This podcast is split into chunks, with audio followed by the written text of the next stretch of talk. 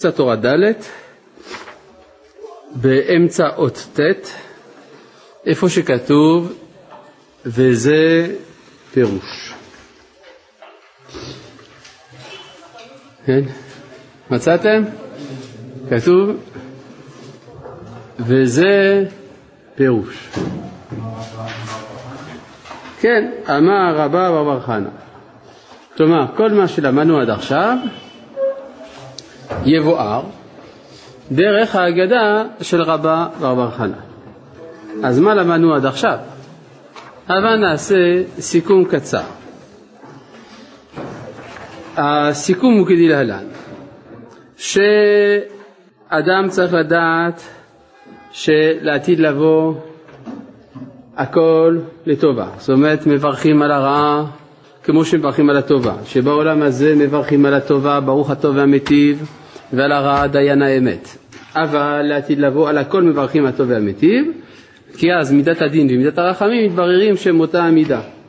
לכן מידת השם, י"ק ו"ק, שהיא מידת רחמים או חסד, היא בעצמה מתאחדת עם מידת הדין, אלוהים, ואז יוצא שאין הבדל בין אלוהים לבין השם.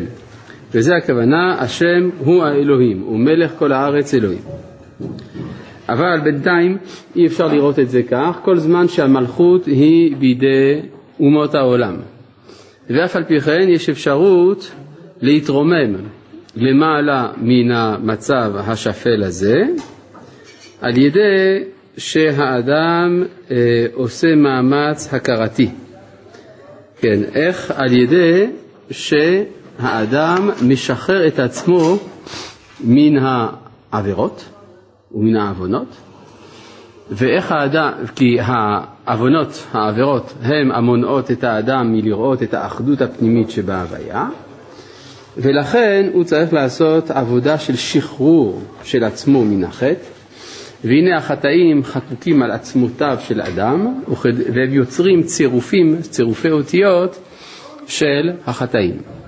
איך משחררים את הצירופים האלה? על ידי הווידוי, כי הווידוי גם הוא עשוי מדיבורים, והוא עשוי מאותן האותיות שהחטא עשוי מהן.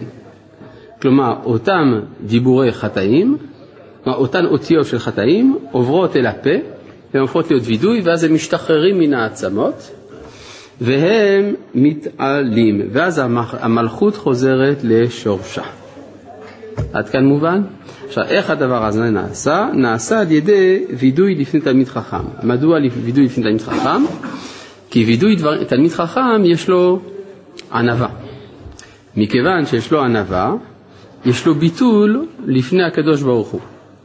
אם יש לו ביטול לפני הקדוש ברוך הוא, הכוונה שהוא מבטל את רצונו לפני רצון עליון, ומתברר שכל הרצונות באמת אינן אלא הרצון של הבורא, ואז יוצא שגם חטאיו וגם כל הרעות שעברו עליו בגלל חטאיו הן כלולות ברצון העליון, ששם הכל טוב. וזה הכוונה שהתלמיד חכם מתקלל באור אין סוף, כפי שעשה משה רבנו. והדבר הזה נעשה בשלושה שלבים. קודם כל, כשהוא רואה את הצדיק, אחר כך כשהוא נותן צדקה לצדיק, ואחר כך כשהוא מתוודה לפני הצדיק. כשהוא רואה את הצדיק, אז הוא משתחרר משתי מידות רעות שנמשכות מיסודות דומם וצומח, שזה העצבות והתאוות. אחר כך, כשהוא נותן צדקה, הוא משתחרר משתי מידות רעות שתלויות בחי ומדבר, שזה הדיבורים של הבל והגאווה והכעס. וכאשר הוא כבר מתוודה לפני תלמיד חכם, אז הוא מגיע לפרשת דרכים, זאת אומרת שהחכם גם נותן לו את הדרכתו, את המקום הנכון להתנהגותו, לאן הוא צריך לכוון את החיים שלו. זה מה שלמדנו עד סוף אות ח'. אנחנו נעשה חזרה קצרה על אות ט'. בסדר? עד כאן ברור? אם יש לי מישהו, חתיכת טישו אחת אפילו, זה יעזור לי. אני רואה שיש שם. כן. אפשר? כן, כן. חתיכת טישו, קטנה, משהו. תעשו חסד, זהו, זה מספיק. תודה, תודה. מחילה. כן, וזה בכל פעם שבא אצל תלמיד חכם הוא מספר לפניו כל ליבו, והתלמיד חכם הוא בחינת משה שהוא בחינת עין. כן, הרי מה זאת אומרת שהוא בחינת עין? שהוא מבטל את עצמו. כמו שכתוב, והחוכמה מאין תימצא. כלומר, איך אדם משיג חוכמה, איך הוא נהיה תלמיד חכם?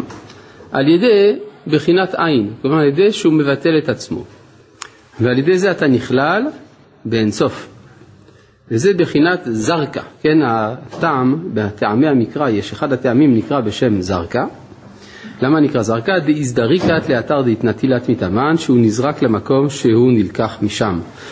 איך אומר הזוהר?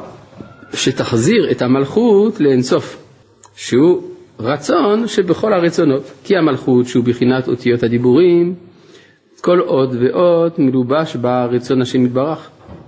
שרצון השם יתברך היה שזאת האות יהיה לה תמונה כזו, ואות אחרת יהיה לה תמונה אחרת. נמצא שרצונות, היינו תמונות אותיות, הם התגלות מלכותו יתברך שמו. מה? אנחנו, כפי שאמרנו פעמיים כבר, באות ט', אני לא מבין בכלל מה הבעיה.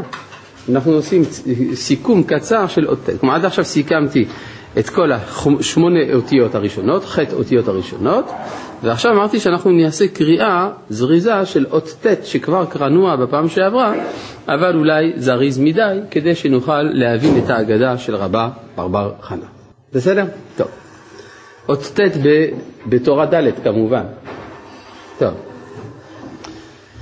וכל אלו הרצונות, אה, אז מה שאומר כאן, שלכל אות, כל, כל אות היא צורה מסוימת של הרצון. כן?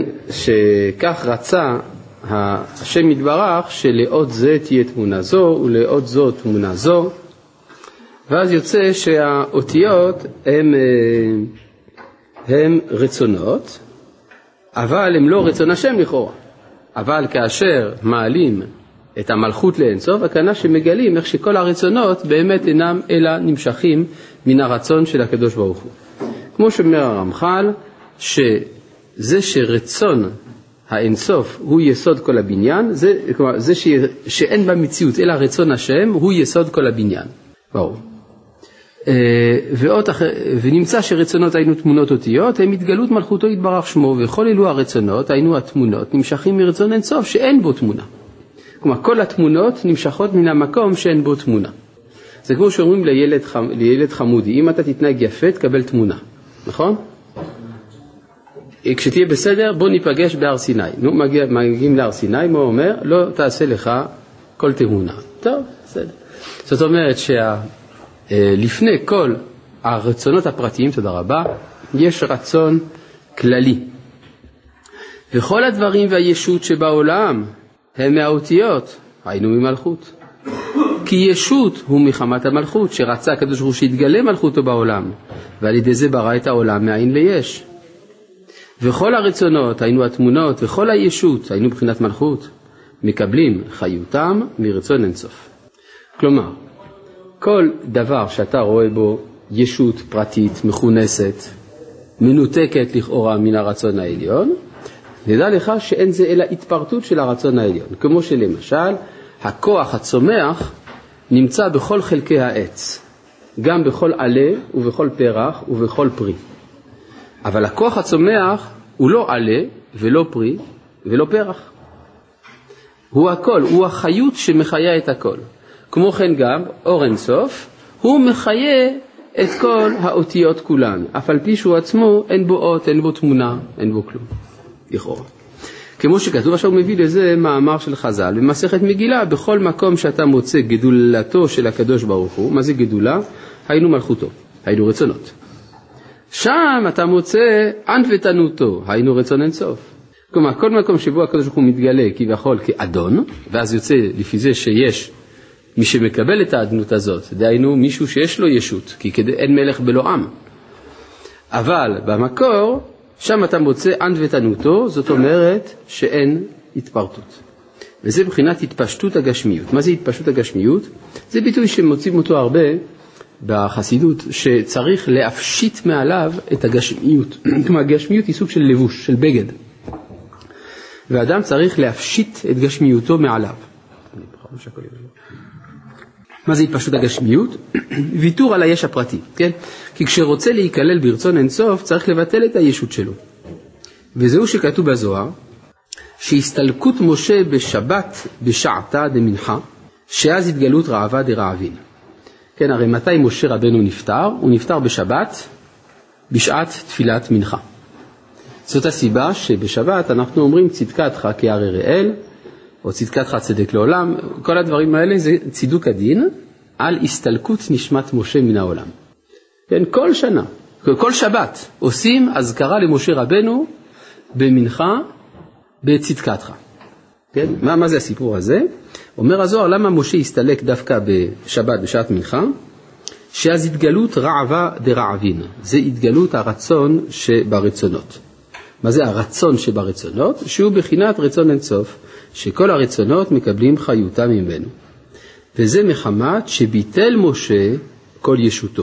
כמו שכתוב, ונחנו מה? מי אמר את זה? משה. משה רבנו אמר, ונחנו מה? אם הוא שאל את עצמו, ונחנו מה?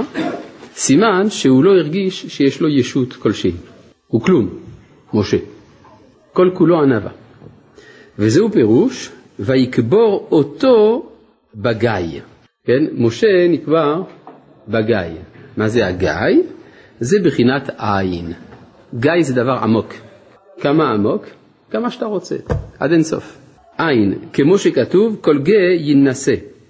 בארץ מואב, כתוב ויקבור אותו בגיא בארץ מואב, מה זה ארץ מואב? זה בחינת מלכות, שדוד בא ממואב, דוד, כן, דוד המלך הוא המלכות בה"א הידיעה, והוא מואבי במקור שלו, הוא בא ממואב, אז מואב זה יסוד המלכות, אז ויקבור אותו בגיא בערבות מואב, הכוונה שהוא ביטל את המלכות לעומת, אה, לעומת אור אינסוף.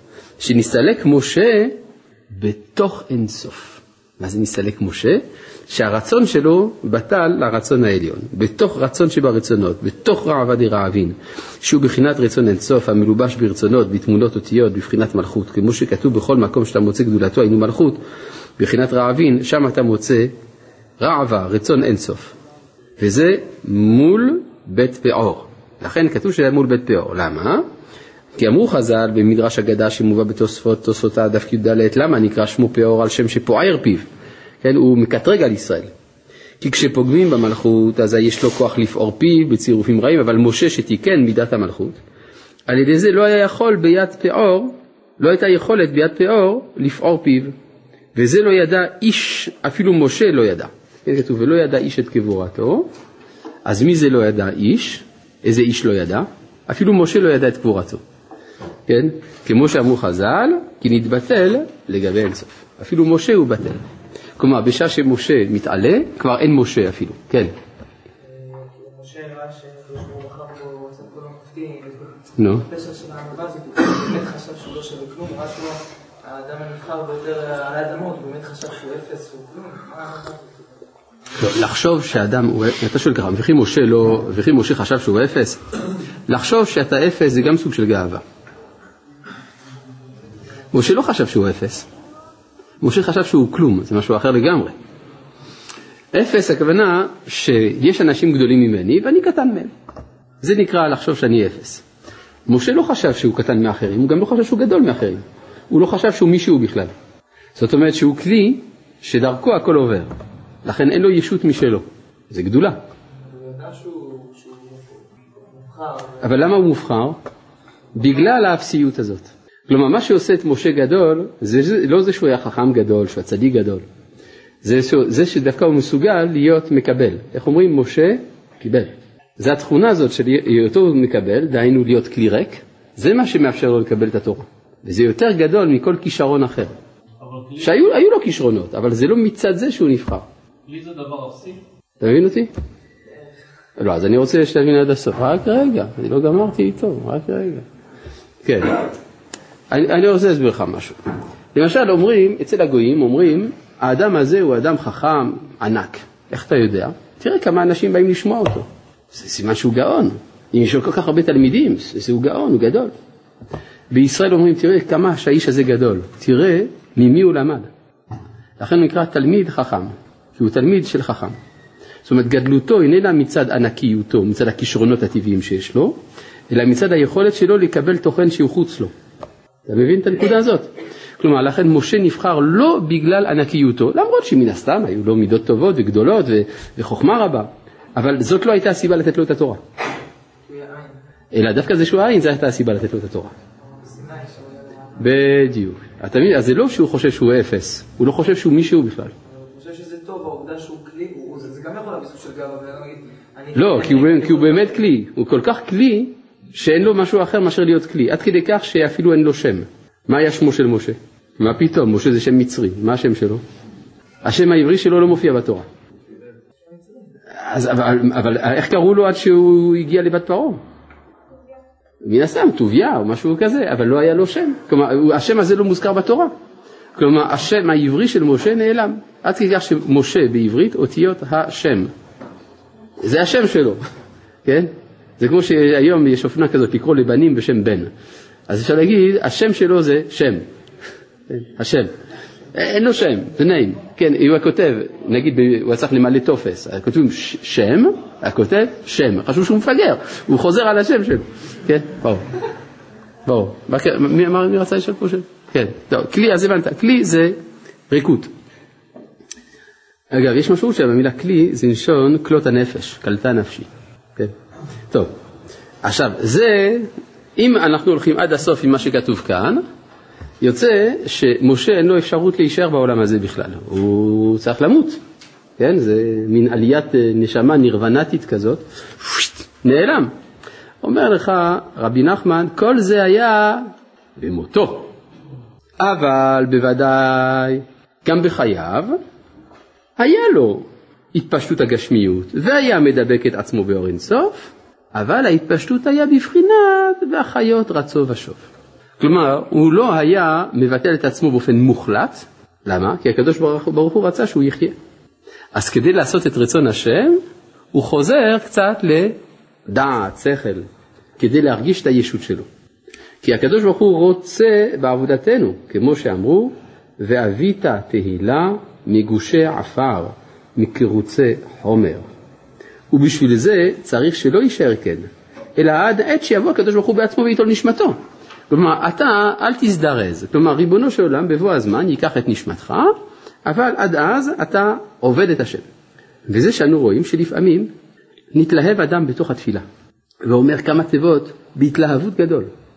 זה בחמלת השם עליו, שנפתח לו אור אינסוף והעיר לו. וכשרואה האדם התנוצצות הזאת, אף על גב דאי הוא לחזה מזלה חזה, אף על פי שהוא עצמו לא רואה, אבל מזלו רואה, תכף נתלהב נשמתו לדבקות גדול לדבק את עצמו באור אינסוף. וכשיעור התגלות אור אינסוף לפי מניין התיבות שנפתחו ונוצצו, כל אלו התיבות אומר בדבקות גדול ובמסירות נפשו ובביטול כוחותיו. ובשעה שנתבטא לגבי אינסוף, אזי הוא בבחינת ולא ידע איש, שאפילו הוא בעצמו אינו יודע מעצמו. כלומר, שואלים אותך, התפללת? לא, זה לא היה אני, אני לא התפללתי. כן? זה היה מישהו אחר, מה, משהו, כן? ואנחנו מה? אבל זאת הבחינה, זה מסוכן, כן? רבי אה, המגיד ממזריץ' היה מתפלל לפני תפילתו שיצא חי מתפילתו. אבל זאת הבחינה, צריך להיות רצו ושוב. כן, לא לרוץ מיד, אלא צריך לשוב אל העולם הזה, כדי שיתקיים ישותו. נמצא, כשהוא בבחינת ושוב, אז צריך להראות גם לדעתו. כלומר, צריך לחזור גם לדעת, שכל שלי. כי מתחילה בשעת דבקות היה מתבטל הדעת, כמו שכתוב, ולא ידע איש, וכשהוא בבחינת ושוב, ששב לישותו, אז שב לדעתו. וכששב לדעתו, אז הוא יודע אחדות האינסוף וטובו. ואז אין חילוק בין השם לאלוהים. בין מידת הדין למידת הרחמים. מה זה מידת הדין? זה השם או אלוהים? אלוהים, נכון? ורחמים זה השם. פה הוא הפך. כי באינסוף אין שייך חס ושלום שינוי רצון. כי השינויים אינו אלא בשינוי התמונות. אבל על ידי הדבקות של האדם באינסוף, ששם אין שינוי רצון, כי שם רצון פשוט, ואחר כך נשאר בו רשימו מהאחדות הזאת. כלומר, אחרי שאדם מתפלל, אחרי שהוא עשה את הווידוי, אחרי שהוא התפלל וכולי, אז נשאר איזשהו רושם, איזשהו ניצוץ של אחדות בתוך ההכרה שלו. זה בצורה עלומה מאוד, אבל זה מולקולה, אבל זה קיים. מה? האחדות בין אה, מידת הדין למידת הרחמים. הרי בעולם הזה אנחנו רואים מידת הדין זה דבר אחד, מידת הרחמים זה דבר אחר. על הטובה מברך, הטובה מיטיב, על הרע מברך דיין האמת, זה לא אותו הדבר. אבל יש לנו איזו ידיעה פנימית, שאנחנו, לא חווייתית, אבל אנחנו מאמינים בזה, שבסופו של דבר הכל לטובה. אבל לפעמים אפשר גם להרגיש את זה על ידי ביטול היש לפני אינסוף.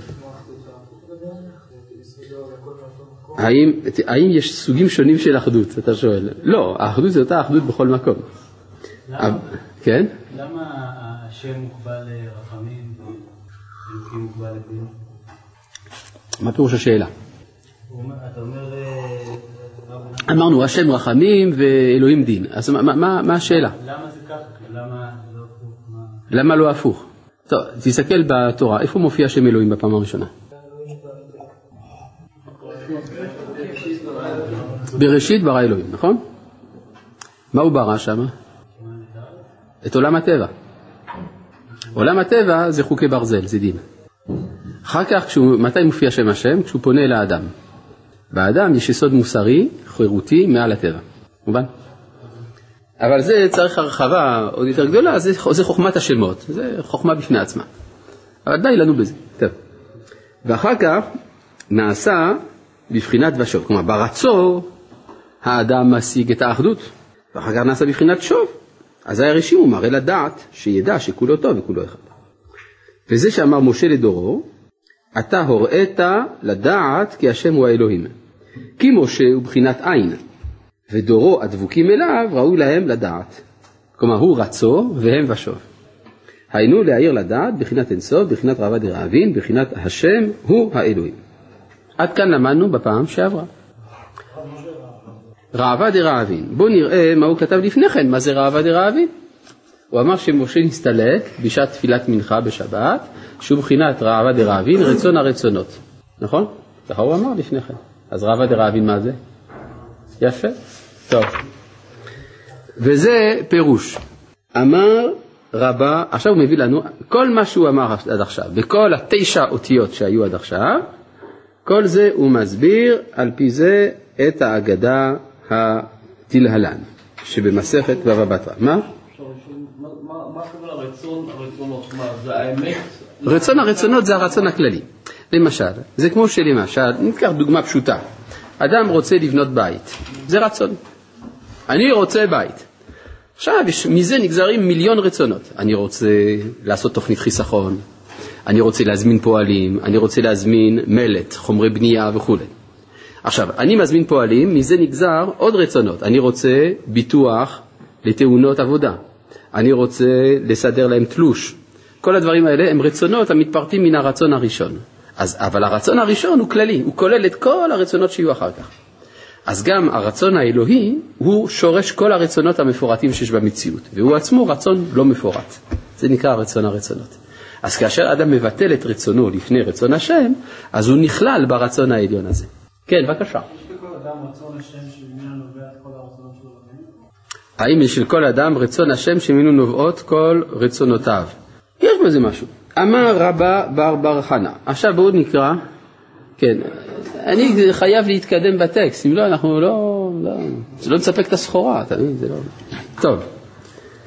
אמר רבא בר בר חנה, זימנה חדה, פעם אחת, הווה כאזלינן בספינתא, היינו הולכים בספינה, וחזינן, וראינו, ההוא קברה את הדג הזה, דייתווה ל... שהיה יושב לו. כן, ראינו דג יושב.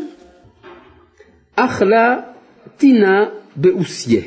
היה איזה שרץ קטן שנכנס, היה אוכל בתוך הנחיריים שלו. דג ששרץ אוכל לו את הנחיריים, סימן שזה דג מת, נכון? אז מה קרה? ואידחו מיה. אז המים דחו אותו, כלומר, דרכם של מי, מי הים להשליך אל החוף את מה שכבר לא חי. אידחו מיה. ושדיו לגודה, והניחו אותו, זרקו אותו על החוף. גודה זה החוף. וחרוב מיני שיטין מחוזה, ומזה חרבו שישים מחוזות. היה הרבה מים, צונני ענק. ואכלו מיני שיטין מחוזה. אחר כך מהדג הזה אכלו שישים מחוזות גם כן. צריך ל... מים האם חרבו מהדג. האם חרבו מהמים או מהדג? אינני יודע. אבל מה שברור זה שאחר כך אכלו את הדג. כן? ומלכו מיני שיטין מחוזה. אחר כך, מה שנשאר מהבשר של הדג, מלכו אותו, ומהדג המלוח הזה אכלו עוד שישים מחוזות. ומלאו מחד גלגלה דעינה תלת מאה גרבי משחה. מילאו מגלגל עין אחד שלו שלוש מאות אה, קדים של שמן, כן? שמן דגים, כן? שלוש מאות מעין אחת.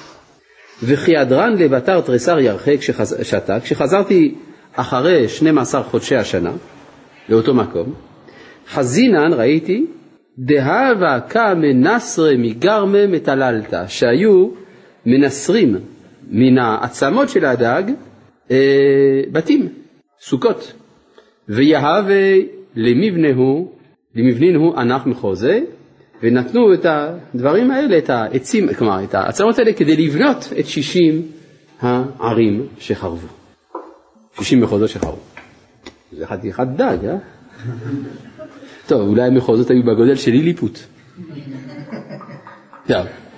עכשיו, כל הדבר הזה הוא כמובן משל. משל. השאלה היא, משל למה? אז הוא מסביר. פירוש, ספינה לשון חשיבות, כן? ספינה מלשון ספון, אדם ספון, הכוונה אדם חשוב. אז ספינה זה חשיבות בחינת מלכות. שרבה בר בר חנה חקר בשכלו אודות המלכות, איך בני ישראל מעלים אותה. כלומר, כל, הוא רצה ללמוד תורה ד' בליקוטי מוהר"ן, רבה בר בר חנה. רצה להבין איך מעלים את המלכות מן הקליפות. וחזינן היי קרברה, ראיתי את הדג הזה. מי זה הדג? זה ישראל. ישראל מכונים בשם דגים. כמו שכתוב, וידגו לרוב בקרב הארץ. ואז מה הוא ראה? בעצם הוא ראה את עם ישראל. ויית ולה אחלה טינה בן חירב. מה זה נחיריו? זה בחינת תפילתן של ישראל. הרי למדנו לפני כן בתורה ב' שהחותם, האף, זה תמיד רמז לתפילה, שנאמר ותפילתי אחתום לך, מלשון חותם, בטית, כן, כמו שכתוב ותפילתי אחתום לך. שנתערב שרץ, היינו טומאה בתפילתו ועבודתו ובלבלותו. כלומר, יש הרבה דברים שמבלבלים את האדם בעבודת השם שלו. ולא היה יכול האיש הישראלי הזה לעבוד עבודתו תמה. הוא לא יכול. יש אנשים שאומרים צריך עבודת בתמימות, תמימות, תמימות, הוא לא מסוגל לתמימות. יש לו בלבולים, שאלות, קושיות, מגיע למכון מאיר וכולי. מה עשה האיש הזה? עשה שלוש בחינות הנ"ל. היינו התקשרות לצדיק, ונתינת הצדקה, ווידוי דברים. כן? זה שלושת העצות שנתן לנו רבי נחמן באותיות הקודמות. אז זה מה שעשה אותו אדם. למה? וזהו פירוש. הוא מתה, כלומר שמת הדג, ואידחוהו מיה, ודחו אותו המים, ושדיוהו לגודה, וזרקו אותו לחוף. אז זה שלושת הבחינות, והזכירה שלוש בחינות מעילה לתיתה. מתה זה בחינת וידוי, כן? הרי כמו שכתוב, כל המומתים מתוודים. לפני כן הוא הסביר שמוות זה כינוי לווידוי. וידחו מיה זה בחינת צדקה, כמו שכתוב, שלח לחמך על פני המים. וכתיב, אשריכם זורעי על כל מים. זה נאמר על הצדקה. ושדיו לגודה, הצדיק נקרא גודה, לשון גדר, שהוא גודר פרצותיהם של ישראל, וזו שדיו לגודה, שהקריב את עצמו לצדיק. כן, אז למדנו ששלושת השלבים הם קודם כל לראות את הצדיק, לתת לו צדקה, ואחר כך להתוודות. אבל בהגדה של רבא בר חנה הוזכרו שלושת המכינות האלה בסדר ההפוך. כן. מה הקשר בין מיתה לווידוי? אה, הוא אמר, פשוט יש משפט כזה, כל המומתין מתוודין. זה לקוח מהמשנה, במסכת סנהדרין, מה זאת אומרת? מה הפשט של המשנה? לא, הפשט של המשנה, הכוונה שאדם לפני שהורגים אותו צריך, צריך שהוא יתוודה. אבל אה, פה מדובר על משהו אחר. הרי מה זה הווידוי? זה להוציא את האותיות שחקוקות בעצמותיו, להפוך אותן לדיבורים של קדושה, כדי שהאותיות יוצאות משם ועוברות להיות דיבור של קדושה, אז זה משהו יוצא מן הגוף. לצאת מן הגוף זה למות. לכן המוות הוא משל לווידוי. וחרב מינין מיני שיטין מחוזה, שעל ידי המיטה, היינו וידוי, וידוי דברים, העלה את המלכות מבין הסטרא אחרא. והצדיק הורה לו את הדרך הישר, כמו שכתוב בפרשת, בהפטרת בראשית. החריב הרים וגבעות, רמז על חורבן ממשלת הגויים. והולכתי עיוורים בדרך לא ידעו, זה בחינת שהצדיק הורה לו דרך ישר, וזה בחינת פרשת דרכים, הכנ"ל, כן? שהצדיק נקרא פרשת דרכים כי הוא מפרש לו את הדרך הנכונה. ושיטין מחוזה, רמז על עליית המלכות הכתיב בה שישים המה מלאכות. ואכלו מינה שיטין מחוזה. מה זה שאכלו שישים מחוזות? רמז על שתי מידות רעות של חי מדבר, שעל ידו בעניות הכנ"ל. כן, חי, מה? חי מדבר, מה שהוא הסביר בשיעור הקודם. כן, שחי ומדבר זה הבחינות של, ה, זה המידות הרעות של הכעס והגאווה, זה חי, ומדבר זה של דיבורים בטלים, שהם מידות רעות שמתבטלות ברגע שנותנים צדקה לצדיק. ועל ידי צדקה מתקן אותם וימשיך שפע, וזהו אכלו מיניה. ושיטין מחוזה רמז על בחינת שישים גיבורים שמשם באה הפרנסה כמו שכתוב גבורות גשמים, שגשמים זה הפרנסה. ומלכו מינה שיטין מחוזה, כן מלכו מהדג הזה, מה שמלכו נתנו לשישים מחוזות, זה רמז על תיקון שני מידות רעות דומם וצומח, על ידי קרבתו לצדיק. כי הצדיק הוא ברית מלח עולם, גם עצבות ותאוות, כן, שזה בא ממידות צומח ודומם, בסדר, דומם, מהדומם באה עצבות ומהצומח התאוות, באים מדמים עכורים ועל ידי מלח פולט הדמים רעים. כן? איך, איך מוציאים את הדם מן הבשר? על ידי מלח. אז זאת אומרת זה להוציא את המידות הרעות, ושיטין מחוזה זה רמז על שישים אותיות שבברכת כהנים שבהם שהם ביד הצדיק כמו שכתוב ברכות לראש צדיק. ומלאו מחד גלגלה דעינה תלת מאה גרבי משחה, מלאו מגלגל אחד של עיניו שלוש מאות כדי שמן, גרבי משחה, כלומר כדי שמן, זה בחינת הדעת. כן, הרי אמרנו שבסוף הצדיק נותן לו פרשת דרכים, כי שמן משחת קודש זה בחינת שכל. כן, מה אתה רוצה? הצדיק הוא ברית מלח עולם, בוודאי. הרי הזוהר אומר שמי ששומר את הברית הוא צדיק. דנתיר ברית, אי הוא צדיק. והצדיק יש, הוא היסוד המקיים את העולם באופן נצחי. והמלח זה מה שלא מתקלקל. אז הוא ברית מלח עולם, פשוט מאוד. כן. יש פה שאלה. לפי ההסבר, גם אדם שלא מבטל רצונותיו הפרטיים נכלל בתוך רצון השם, אלא שאם האדם אינו מבטל רצונותיו הפרטיים, אינו פנוי לדעת את רצון הרצונות. הלא כן, כן אפשר להגיד. ותלת מאה, שלוש מאות, למה שלוש מאות קדים? כלומר, הקדש שמן אמרנו זה השכל והדעת. למה שלוש מאות? זה בחינת משה. למה שלוש מאות זה בחינת משה? הוא הסביר. שהוא בחינת מה שהצדיק מקטין את עצמו בבחינת מה. בשלוש בחינות צריך להקטין את עצמו. כמו שאמר ירמיהו, אל יתהלל חכם, גיבור ועשיר. כי הרי יש שלושה, יש שלושה דברים שיכולים לגרום לאדם גאווה, חוכמתו השכלית, גבורתו הפיזית ועושרו. ואמר לך הנביא, כה אמר השם, אל יתהלל חכם בחוכמתו, ואל יתהלל גיבור בגבורתו, ואל יתהלל עשיר בעושרו, כי אם בזאת יתהלל המתהלל השכל וידוע אותי. אז יוצא שהצדיק, הוא צריך לבטל את עצמו בשלוש הבחינות האלה. כלומר, לעשות את עצמו מה? גם, בחוכ... גם מצד חוכמתו, גם מצד גבורתו, גם מצד עושרו. נמצא שבכל בחינה מאלו שלוש הוא בחינת נעשה מה. ועל ידי זה יש לו התפשטות הגשמיות ומדבק באור אינסוף, שאין שם שום שינוי רצון, אלא השם הוא האלוהים כנ"ל, היינו כולו הטוב והמיטיב. וזה בחינת חד גלגלה דעינה. כמובן בהידרה, בהידרה בזוהר נשוא, ולזימנה דעתה, לעתיד לבוא, ישתכח בעין אחת דרחמי, יימצא עין אחת של רחמים וזה בחינת כולו הטוב והמיטיב. אז העין הזאת של הדג זה העין הטובה של העתיד לבוא. נמצא כשהצדיק עושה עצמו מה? מדבק את עצמו לעינה חד דרחמי, היינו לאינסוף, לעין אחד של רחמים שהוא אינסוף. ואחר כך כשחוזר בבחינת רצו ושוב, הרי אמרנו שאסור לעשות את זה עד שימות, אז ממשיך מאור אינסוף האחדות, הרצון הפשוט, שם דרך המה שלו, ונמצא ונעשה ממה? מאה. כן, מה זה מ' וה'.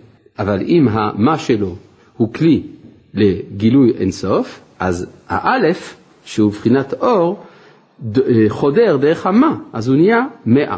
כמו שאמרו, אל תקרא מה אלא מאה. כן, שמזה למדו שצריך לומר מאה ברכות בכל יום, שנאמר מה השם אלוהיך שואל מעמך, ואמרו חז"ל, אל תקרא מה אלא מאה, ונעשה תלת מאה מתלת מה. לכן שלוש מאות גרבי שמן, הכוונה שלוש, שלושה אופני ביטול של הצדיק בפני אה, רצון הרצונות. הוא ממשיך אור הזה לדעתו ולשכלו, היינו גרבי דמשחה שהוא בחינת שכל כנ"ל. כלומר, אפילו בתוך השכל שלו שמבחין בין מדרגות, בין טוב לרע, בין דין לרחמים וכדומה, עדיין נשארת איזושהי רשימה, איזשהו רשימו, איזושהי מולקולה של איזה זיכרון של האחדות המקורית. זה האלף, כן. אתה הוראת לדעת, ישר כוחך, אה, אתה הוראת לדעת, שממשיך אור אינסוף לדעתו, שידע האחדות שהשם הוא האלוהים, ויברך הטוב והאמיתי ועל הכל כמו לעתיד לבוא. נו, אז אה, מה, גמרנו את ההגדה? לא. כי הדרן, כשאני חזרתי, אומר רבי רב חנה, ועתן לבתר תריסר ירחשתה, וחזרתי אחרי 12 חודשים של השנה, וכחזינן וראיתי, דהווה מנסרא מגרמיו לבניינה הנח מחוזה. כלומר ראיתי שהיו מנסרים מן העצמות של הדג כדי לבנות את המחוזות. מה זה לבנות, מה שכאילו מחוזות שנהרסו וצריך לבנות, על מה מדובר? האדם עושה הרבה שטויות בחיים, אז הוא הורס, וצריך לבנות, בחזרה, תיקון. אז מה זה, כי מאחורי הקדושה, שם 12 שבטים, שאדם נתקן המלכות הנ"ל, ואחריהם הוא הטומאה. אז הוא מסביר, מה זה אחרי 12 חודש? אחרי במובן של מאחורי. הוא הלך לחפש קצת, רבא בר חנא התעניין בצד האפל, באפל שבמציאות, האחור של השיטין, אה, של השנים עשר חודש.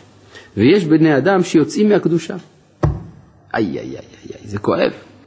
וזה שסיפר התנא, שהדר, התנא זה רבא בר חנא כאן, שהדר וחזר לעיין באלו שהם בתר תריסר ירחשתה. הוא הלך לחפש איך מחזירים אותם בתשובה בעצם, זה הכוונה. שהם אחורי 12 שבטים בקדושה, שיוצאים מכלל ישראל על ידי מעשיהם הרעים. וחזינן, וראיתי, דאבו מנסרי גרמיו, היו מנסרים את העצמות שלהם, דהיינו, שעל ידי מעשיהם הרעים החקוקים על עצמותם, והחקיקה עובר מעבר לעבר כנסירה ממש. כן, האדם חוטא, אז כל העצמיות שלו משתנה. אבל על ידי שאיש הישראלי הנ"ל נתעורר בתשובה, על ידי שרץ קטן שבנחירה ועל ידי שהרגיש טומאה קטנה שמבלבלת אותו, על ידי תשובתו גורם שגם אלו הרשעים נעשו כיסא לקדושה. כלומר, האדם מרגיש, מדובר על אדם צדיק, הוא מרגיש שמשהו מבלבל את התפילה שלו, אז הוא מבין שמשהו מקולקל לא אצלו, אבל אצל אחרים, ואז הוא מחזיר אותם בתשובה, ואז הוא הופך אותם לכיסא לקדושה, ויהווה לבניין האנך מחוזה, ונותנים אותם כדי לבנות את אותם המחוזות, שעוזרים גם הם לעובדי השם, שיבנו האנך מחוזה הנ"ל. כלומר זה הסוד של התשובה. יוצא לפי זה שהבלבול בתפילה זה הזדמנות כדי, בסופו של דבר, להעלות את הנפולים. מדובר פה על הצדיק כמובן, כן. מה, התשובה שלו ותשובתם של אחרים, כלומר הוא מחזיר אחרים בתשובה. יש פה שתי שאלות, רגע. איך פרנסה באה משישים גיבורים? כי הוא אומר שכתוב גם שגבורות, גבורה בכלל זה מידה ששייכת לפרנסה, כמו שמצאנו עד מתי, ממתי גבורות גשמים. מה זה גבורות גשמים? הרי הגשם זה הפרנסה, מכאן שהפרנסה היא גבורה, בגלל שצריך להתגבר על הנפילה של הבורסה או הנפילה הטבעית בכלל. זה דומה לווידוי של הנוצרים עם הבדלים אלה. אחד, הם הולכים לכנסייה ורואים את הכומר אך מאחורי הפרגוד. שתיים, מתוודים זה לכאורה דומה. שלוש, נותנים צדקה אך בעצם כפרה. מה מבטאים הבדלים אלה? תודה. וואו. זה בכלל לא מתחיל אפילו להיות דומה לווידוי של הנוצרים. דומה אפילו אינו דומה. הרי הווידוי הנוצרי הוא חלק מן הכפרה ולא של התשובה. זאת אומרת, עבור הנוצרי התשובה לא מועילה, אבל אפשר למנוע את התוצאות האיומות של החטא על ידי כפרה. וחלק מן הכפרה זה הווידוי. מילא גם הצדקה היא מעשה חיצוני, איננה מעשה של הזדהות עם הצדיק. אז מה בכלל יש להשוות? וזהו פירוש אנוכי השם אלוהיך. פירוש, הן השם, הן אלוהיך. תבין שכל זאת אנוכי. כלומר, כאילו הקדוש ברוך הוא אומר, אנוכי גם השם וגם אלוהיך. מה החילוק? דהיינו שתקיים בהשם מעלה לדבר, באלוהים מעלה לדבר, היינו כולו הטוב ומטיב כנ"ל. כי הרי השם זה מידת הרחמים, אלוהיך מידת הדין, אז אתה תבין, אם אתה תפגוש אותי פנים אל פנים, אתה תבין שאין הבדל. השם זה אלוהיך. אשר הוצאתיך מארץ מצרים, דאיתא במדרש, כי כל הגלויות נקראים על שם גלות מצרים, מפני שהם מצרים לישראל. היינו, שעל ידי הצדיק נתבטל מלכותם וממשלתם של הגויים, כי על ידי זה עולה מתוכם מלכות וקדושה כנ"ל. מבית עבדים זה רמז על ביטול המידות רעות.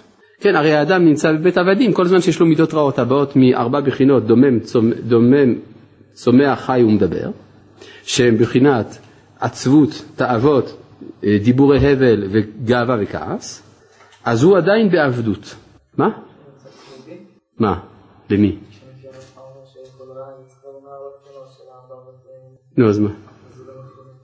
כל דבר אתה יכול למצוא את היסוד החיובי, בסדר, אבל כאן אנחנו מדברים על מידות הרעות מצד היותן רעות, הן נקראות בית עבדים. אין לך דבר יותר רע מאשר העבדות. העבדות זה שעבוד הנשמה. הנשמה היא חופשית, היא חירותית ביסודה, והמידות הרעות מכניסות את האדם למעגלים של עבדות, שטויות, כן? הרי כל מי שיש לו מידות רעות הוא משוגע במדרגה זאת או אחרת. והמשוגע הוא מאמין בכל מיני דמיונות שמשעבדים אותו. אז ברגע שיש לו מידות טובות, הוא כבר לא משועבד, בסדר? עכשיו הוא אומר, כל המידות הרעות זה נקרא, נקרא בית עבדים. וזה רמז על ביטול המידות הרעות של ארבע יסודות, המכונים בשם עבדים. מה זה ארבע יסודות? אש, מים, רוח ועפר. אש, רוח, מים ועפר, ואנחנו למדנו שאש מקביל למדבר, ורוח לחי, מים לצומח, ועפר לדומם, נכון? למדנו, אפשר אם כן להגיד או דומם צומח חי מדבר, או עפר, מים, רוח ואש. איפה כל היסודות האלה? כי כל ארבע יסודות הם מתחת גלגל הירח. נכון? איפה זה נמצא כל ארבע היסודות האלה? נמצא כדור הארץ. כדור הארץ הוא תחת גלגל הירח. והירח מכונה בשם עבד, כמו כמובן בזוהר. הנה ישכיל עבדי דסי הרה. כן, שה, שהירח נקרא עבד, שהרי עבדי, כמו שכתוב בזוהר. ולמה הזוהר אומר שהירח נקרא עבד? בגלל שהוא מקבל את כל אורו מזולתו, לא מעצמו. אז אין לו חירות. כל האור של הירח בא לו מהשמש. יוצא לפי זה שכל מה שתחת גלגל הירח הוא בבית עבדים. זה הכוונה. אז כן, כל מה שיש בעולם הזה, שזה השורש, השורשי ארבע מידות רעות, או ארבע בחינות דצחם, זה היסוד של עבדות. פירוש, על ידי הצדיק עולה המלכות מן הסטרה אחרא, ונתבטלים המידות רעות, ועל ידי זה האדם בא לבחינת עולם הבא, לבחינת בשם ההלל דבר, באלוהים אהלל דבר. יוצא שבמתן תורה, כשנאמר אנוכי השם אלוהיך, היה מפגש פנים אל פנים עם הרצון הראשון, וברצון הראשון מתמתקים כל הבחינות של מידת הדין, ואז מתברר שאין הבדל בין הרחמים לבין הדין, ואז אפשר לומר הטוב והמיטיב. כן. חשבתי מה שאמרת לגבי הירח, אני יכול להבין שדווקא השמש זה המשרת של הירח, הוא מאיר עליו כל הזמן. נכון, אפשר גם את זה להגיד, שהשמש הוא המשרת של הירח, באופן פנימי זה נכון, כן? זה כמו שלמשל, אה, אפשר להגיד שהעניים עושים טובה לצדיק, לעשירים בזה שהם מקבלים את ממונם. כן? תגידו תודה שיש לכם למי לתת צדקה. אבל זו בחינה עמוקה יותר, זו בחינה שנייה. קודם כל יש הגדרה של עבדות, אחר כך אנחנו רואים מי באמת העבד, ואז אתה צודק שיש גם בחינה נוספת של השמש. עד כאן ברור? כן.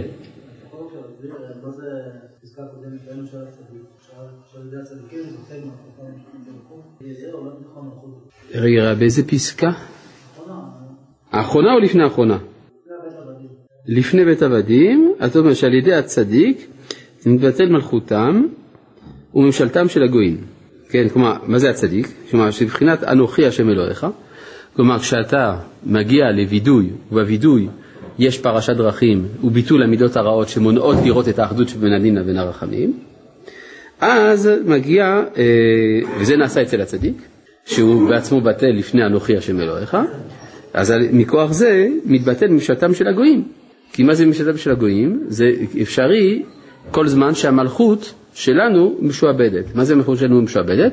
שהרגשת היש מנותקת, היא, היא עומדת בפני עצמה, איננה מחוברת אל שורש ההרגשה הזאת שהוא העין.